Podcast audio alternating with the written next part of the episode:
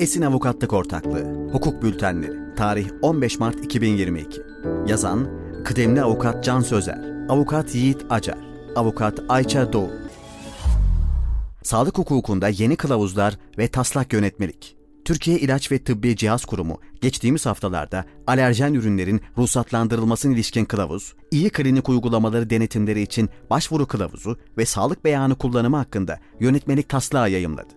Alerjen ürünlerin ruhsatlandırılmasına ilişkin kılavuz neleri düzenlemektedir? Yeni gelişme. Kurum 9 Mart 2022 tarihinde yayımladığı alerjen ürünlerin ruhsatlandırılmasına ilişkin kılavuzda teşhis ve tedavi amacıyla kullanılan endüstriyel alerjen ürünlerin basitleştirilmiş ruhsatlandırma koşullarına ilişkin usul ve esaslar düzenlenmiştir. Ne değişecek? Alerjen, alerjik hastalık ve alerjen ürün gibi kavramları tanımlayarak temel özelliklerine yer veren kılavuz uyarınca her bir alerjen ürün için ayrı ruhsat başvurusunda bulunulması gerekmektedir. Başvuru sırasında alerjen ürüne ilişkin kısa ürün bilgileri, kullanma talimatı ve ambalaj bilgileri tıbbi ürünler ruhsatlandırma yönetmeliği ve beşeri tıbbi ürünlerin ambalaj bilgileri, kullanma talimatı ve takibi yönetmeliği ve ilgili kılavuzlar doğrultusunda hazırlanmalıdır. Kalite verileri ise Avrupa Farmakopesi, Alerjen Ürünler Monografi, Türk Farmakopesi, Alerjen Ürünler Monografi ve Avrupa İlaç Ajansı Beşeri Tıbbi Ürünler Komitesi'nin Alerjen Ürünler Kılavuzu, Üretim ve Kalite Konuları başlıklı kılavuzu esas alınarak hazırlanır. Ruhsatlandırılan alerjen üründe meydana gelen varyasyonların ilgili düzenleme ve kılavuzlar uyarınca ruhsat sahibi tarafından kuruma bildirilmesi gerekmektedir. Ayrıca satış izni bulunan ruhsatlı veya geçici izne sahip alerjen ürünleri piyasaya sürmek isteyen ruhsat, geçici izin sahiplerinin kuruma başvurarak piyasaya sunum izni alması gerekmektedir.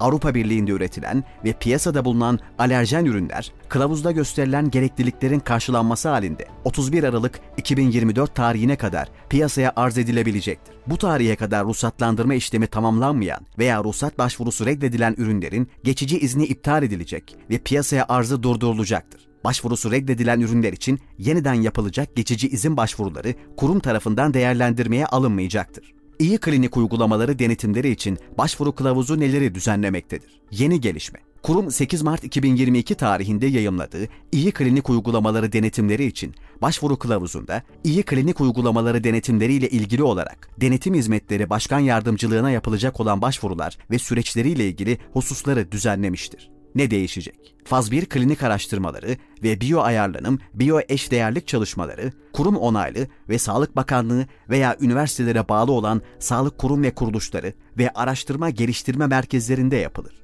Bu merkezlerin denetimleri rutin olarak yurt dışında faaliyet gösteren biyo ayarlanım, biyo eşdeğerlik merkezleriyle destekleyici ve veya sözleşmeli araştırma kuruluşlarının denetimleri ise talep üzerine gerçekleştirilecektir. Söz konusu denetim başvuruları elektronik başvuru sistemi üzerinden kılavuzda belirtilen yönlendirmeler doğrultusunda kuruma elektronik olarak iletilebilecektir elektronik başvuru sistemi kaydı, elektronik başvuru ve süreç yönetim sistemi ebs-ey titck.gov.tr internet sitesi üzerinden gerçekleştirilebilir. Sağlık beyanı kullanımı hakkında yönetmelik taslağı yayımlandı. Yeni gelişme. Kurum 8 Mart 2022 tarihinde sağlık beyanı kullanımı hakkında yönetmelik taslağını yayımladı. Taslak yönetmelik yeni sağlık beyanı izin sürecini ve ürünlerde sağlık beyanı kullanımına ilişkin usul ve esasları düzenlemektedir. Taslak yönetmeliğin yürürlüğe girmesiyle sağlık beyanıyla satışa sunulan ürünlerin sağlık beyanları hakkında yönetmeliği yürürlükten kaldıracaktır. Taslak yönetmeliğe ilişkin görüşler 1 Nisan 2022 tarihine kadar bdud.sağlıkbeyanı@titck.gov.tr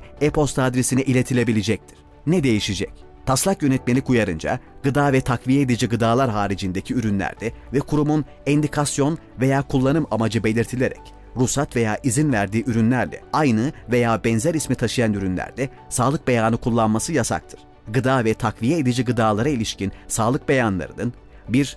Belirsiz, yanlış veya yanıltıcı olmaması, 2. Diğer ürünlerin yeterliliği veya güvenilirliği konusunda şüpheye neden olmaması, 3. belirli bir gıdanın aşırı tüketimini desteklememesi veya özendirmemesi ve 4. Tüketicide korkuya neden olabilecek biçimde yazılı, resimli, grafik veya sembolik gösterimlerle vücut fonksiyonlarındaki değişikliklere atıfta bulunmaması gerekmektedir. Hastalık riskinin azaltılmasına, çocukların gelişimi ve sağlığına ilişkin beyanların yer aldığı etiket, sunum ve reklamlarda atıf yapılan hastalığın çoklu risk faktörlerinin olduğunu ve bu risk faktörlerinden birini değiştirmenin yararlı bir etkisinin olabileceği veya olmayabileceğini belirten bir ifade yer alacaktır hastalık riskinin azaltılmasına, çocukların gelişimi ve sağlığına ilişkin beyanlar dışındaki sağlık beyanlarının ise genel kabul görmüş bilimsel kanıtlara, yeni geliştirilmiş bilimsel kanıtlara veya koruma altına alınan tescilli verilere dayanması gerekmektedir. Sağlık beyanı kullanılabilecek gıda ve takviye edici gıdalarda bulunması gereken özellikler taslak yönetmelikte detaylı olarak düzenlenmiştir. Sağlık beyanı kullanım kılavuzu eklerinde yer alan sağlık beyanları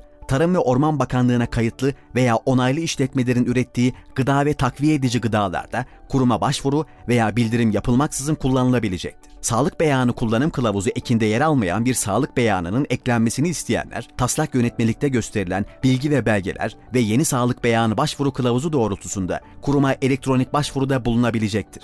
Bir üründe sağlık beyanı kullanılabilmesi, ürün sahibinin hukuki ve cezai sorumluluğunu azaltmayacak olup, ürün sahibi 1. Gıda veya takviye gıda içeriğinin mevzuata uygun olması, 2. Kurumun taleplerine belirlenen sürede cevap verilmesi ve 3. Sağlık beyanı kullanılan ürünlere ilişkin Türk Gıda Kodeksinde öngörülen düzenlemelere uyulmasında kuruma karşı sorumludur. Sonuç Kurum sağlık sektöründe faaliyet gösteren şirketlere rehberlik etmeye devam etmektedir. Sağlık sektöründe faaliyet gösteren tüm ilgili şirketler, kurumun duyuru ve kılavuzlarını yakından takip etmeli ve mevzuatta yer alan yükümlülüklerini kurumun yönlendirmeleri doğrultusunda yerine getirmelidir.